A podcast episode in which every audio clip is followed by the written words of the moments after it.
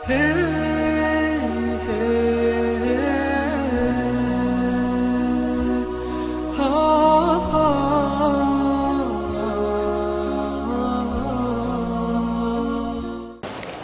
الطالبين لله تعالى فصل في النبوة.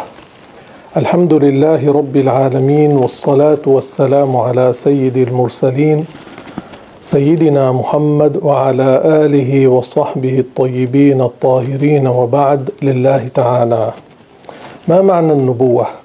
اشتقاقها من النبأ أي الخبر لأن النبوة إخبار عن الله أو من النبوة وهي الرفعة فالنبي على الأول فعيل بمعنى فاعل لأنه يخبر عن الله بما يوحى إليه أو فعيل بمعنى مفعول أي مخبر عن الله أي يخبره الملك عن الله. فالنبوة جائزة عقلا ليست مستحيلة. وإن الله تعالى بعث الأنبياء رحمة للعباد إذ ليس في العقل ما يستغنى به عنهم لأن العقل لا يستقل بمعرفة الأشياء المنجية في الآخرة. يعني الإنسان بمجرد العقل لا يستطيع أن يتوصل إلى أن الصلاة فرض أن الصوم فرض أن الزكاة واجبة. لا يستطيع أن يتوصل إلى أن هذا حرام وهذا حلال. فرحمة هذا رحمة من الله أنه أرسل الأنبياء وكل الأنبياء جاءوا بدين واحد هو الإسلام. وهؤلاء الأنبياء علموا الناس ماذا افترض الله عليهم ماذا حرم الله عليهم. ما الفرق بين النبي والرسول؟ هنا مسألة مهمة. كل من النبي والرسول يوحى إليه وكل من النبي والرسول مأمور بالتبليغ. غلط ما انتشر في كثير من الكتب أن النبي ليس مأمورا بالتبليغ. إذا ما هي وظيفته؟ هل هو نبي نفسه فقط؟ لا. النبي نبي نفسه ونبي من أرسل إليهم.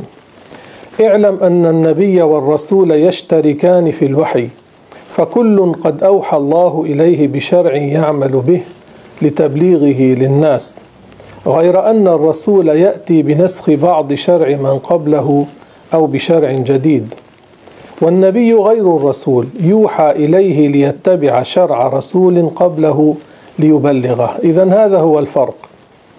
الرسول يأتي بشرع جديد. النبي يوحى إليه بشرع من قبله حتى يبلغه. هذا الفرق بينهما. كل من النبي والرسول من الذكور كل من النبي والرسول يوحى إليه كل جاء بدين الإسلام. كل من النبي والرسول معصوم من الكفر والكبائر وصغائر الخسة والدناءة قبل النبوة وبعد النبوة. فلذلك قال العلماء كل رسول نبي وليس كل نبي رسولا. ثم أيضا يفترقان في أن الرسالة يوصف بها الملك والبشر والنبوة لا تكون إلا في البشر ولا يصح قول بعضهم إن النبي لم يؤمر بالتبليغ. هذا غير صحيح. اذكر الصفات الواجبة للأنبياء والمستحيلة عليهم. يجب للأنبياء الصدق ويستحيل عليهم الكذب. انتبهوا هذه قواعد احفظوها وعلموها أولادكم وعلموها أهاليكم.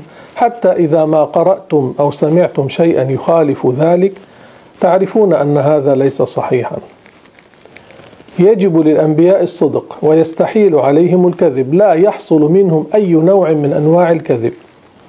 وتجب لهم الفطانة. كلهم أذكياء. كلهم عندهم انتباه قوي وذهن حاضر وقوي. ويستحيل عليهم البلادة والغباوة. بعض الناس عندهم بلادة لا يفهمون الكلام من المرة الأولى. بعض الناس عندهم غباوة. الأنبياء مستحيل عليهم ذلك. وتجب لهم الأمانة. كلهم أمناء. لا يخونون. لا في القول ولا في الفعل ولا في التصرفات ولا في الأحوال. فالأنبياء سالمون من الكفر والكبائر. كل قصة فيها أن نبيا كان على غير الإسلام فهي غير صحيحة. إبراهيم لم يعبد الشمس لم يعبد القمر لم يعبد الكوكب. ما جاء في القرآن من أنه قال هذا ربي هذا للإنكار. لما ظهر الكوكب لما ظهر النجم أراد أن يفهم قومه أنه لا يستحق العبادة. فلما أفل قال لا أحب الآفلين. هذا يظهر ثم يغيب. هذا متغير. المتغير حادث. الحادث لا يكون إلها. كأنه يقول كيف تعبدون شيئا له حجم؟ له شكل له صورة له هيئة مؤلف مركب. وهذا الشيء يتغير يظهر ويغيب. لا يستحق العبادة. كيف تعبدونه؟ كذلك قال في القمر كذلك قال في الشمس وإلا إبراهيم من الأول كان عارفا بربه لم يعبد شمسا ولا قمرا ولا نجما. قال تعالى ولقد آتينا إبراهيم رشده من قبل وكنا به عالمين. قبل نزول الوحي كان على الإيمان وكذلك كل الأنبياء.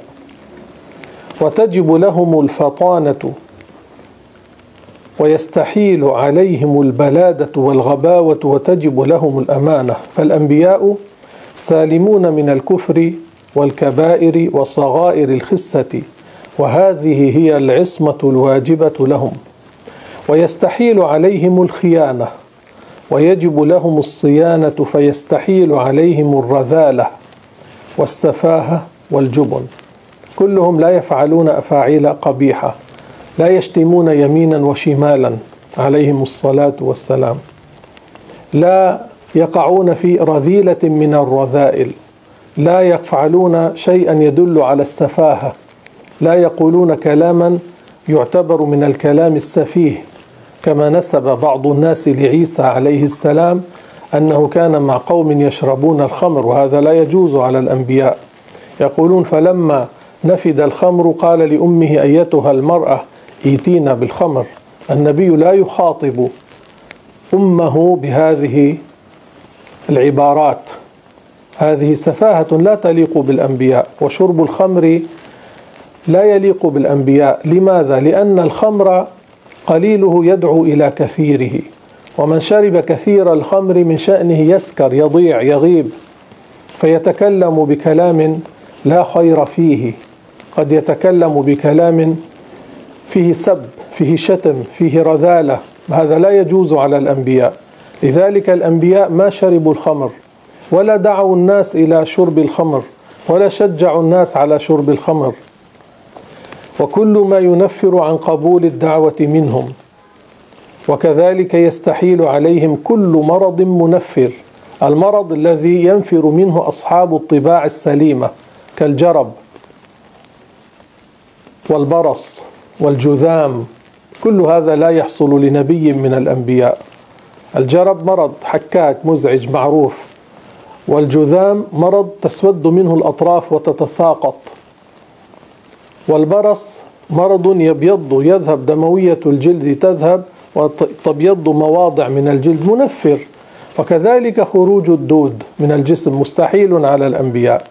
أيوب عليه السلام مرض كما قال الرسول صلى الله عليه وسلم ثمانية عشر عاما لكن مرضه لم يكن منفرا لم يخرج منه الدود كما يقول بعض الجهال. فمن نسب إليهم الكذب أو الخيانة أو الرذالة أو السفاهة أو الجبن وهو ضعف القلب أو نحو ذلك فقد كفر. ما تعريف المعجزة؟ اعلم. أن السبيل إلى معرفة النبي المعجزة كل نبي معه معجزة وهي أمر خارق للعادة. فما هو ليس خارقا للعادة لا يسمى معجزة ولو كان غريبا. يأتي على وفق دعوى من ادعوا النبوة. كما يقول النبي كما يدعي يأتي هذا الأمر الذي هو خارق للعادة على وفق ما قاله ما ادعاه. سالم من المعارضة بالمثل لا يستطيع واحد من المعارضين أن يأتي بمثل ما أتى به النبي. لذلك كل نبي حصلت منه معجزة لم يأته واحد من المعارضين. قال له تدعي أنك نبي تعمل معجزة؟ ها أنا ذا أفعل مثلك. ما حصل هذا بالمرة؟ لأن المعارضين لا يستطيعون أن يفعلوا ذلك. أما السحر فيعارض بسحر ويغلب ساحر ساحرا. وكذلك ما كان خارقا لكنه لم يقترن بدعوى النبوة كالخوارق التي تظهر على أيدي الأولياء أتباع الأنبياء فإنه ليس بمعجزة بل يسمى كرامة. تأتي أمور خارقة للعادة على يد الولي وهو المؤمن المستقيم بطاعة الله. والأولياء كانوا في أمم الأنبياء قبل محمد لكن أكثر الأولياء في أمة سيدنا محمد عليه الصلاة والسلام. مريم ابنة عمران كانت ولية صالحة. كلما دخل عليها زكريا المحراب وجد عندها رزقا. قال يا مريم أنى لك هذا؟ قالت هو من عند الله. إن الله يرزق من يشاء بغير حساب. كذلك سيدنا سليمان كان له كرسي يقعد عليه للحكم. ويقعد الإنس ويقعد الجن وكانت ملكة اليمن ملكة سبأ في اليمن بلقيس عندها عرش كبير من ذهب مرصع بالجواهر. أراد سيدنا سليمان أن يقهرها لتسلم. فسأل في مجلسه أيكم يأتيني بعرشها أي بعرش بلقيس ملكة سبأ في اليمن؟ فقال عفريت من الجن جني قوي. قال أنا آتيك به قبل أن تقوم من مقامك هذا. قال الذي عنده علم من الكتاب آصف بن برخية من الأولياء من أتباع سيدنا سليمان على دين الإسلام. أنا آتيك به قبل أن يرتد إليك طرفك. هكذا تطرف تنظر تطرف ثم تنظر. ففي لحظة قصيرة جاءه به بعرش بلقيس. هذه كرامة لولي مسلم من أتباع سليمان عليه السلام. ومريم كانت على شرع زكريا عليه السلام وحصلت لها كرامة. وهكذا في أمم الأنبياء أولياء يكون أولياء ولهم كرامات. في أمة سيدنا محمد عليه الصلاة والسلام أكثر وأكثر وأكثر. سيدنا عمر كان على المنبر في المدينة المنورة وكان أرسل جيشا إلى نهاوند أرض بعيدة من المدينة. وأراد الكفار أن يأتوا إلى المسلمين من جهة الجبل. هم ما, ما انتبهوا لذلك. وهو على المنبر سيدنا عمر. الله كشف له كشف له حال جيش المسلمين وأن الكفار يريدون أن يغيروا عليهم من ناحية لم ينتبهوا لها. وسيدنا الرسول صلى الله عليه وسلم كان قال قد كان في من قبلكم أناس محدثون أي ملهمون. وإن يك في أمتي واحد منهم فإنه عمر. اتقوا فراسة المؤمن فإنه ينظر بنور الله يعني بالكشف. سيد أهل الكشف في أمة سيدنا محمد عمر بن الخطاب رضي الله عنه. فقال نادى يا سارية سارية بن زنيم هو قائد الجيش. قال عمر يا سارية الجبل الجبل. فالتفتوا إلى الجبل وصدوا الكفار. المسلمون سمعوا عمر يقول يا سارية الجبل الجبل. فلما جاء الجيش كانوا قبل ذلك سألوا عمر بعد أن نزل عن المنبر لما قلت يا سارية الجبل الجبل؟ متواضع رضي الله عنه. قال كلام ألقي في بالي. لما جاء الجيش أخبروهم سارية بن زنيم قال سمعت عمر يقول يا سارية الجبل الجبل. فهذا يسمى كرامة وليس معجزة. وكذلك ليس من المعجزة ما يستطاع معارضته بالمثل كالسحر فإنه يعارض بسحر مثله. اذكر قسمي المعجزة. المعجزة قسمان. قسم يقع بعد اقتراح من الناس على الذي ادعى النبوة وقسم يقع من غير اقتراح. فالأول نحو ناقة صالح التي خرجت من الصخرة. اقترح قومه عليه ذلك بقولهم إن كنت نبيا مبعوثا إلينا لنؤمن بك فأخرج لنا من هذه الصخرة ناقة وفصيلها فأخرج لهم ناقة معها فصيلها أي ولدها أنثى الجمل يعني ومعها ولدها.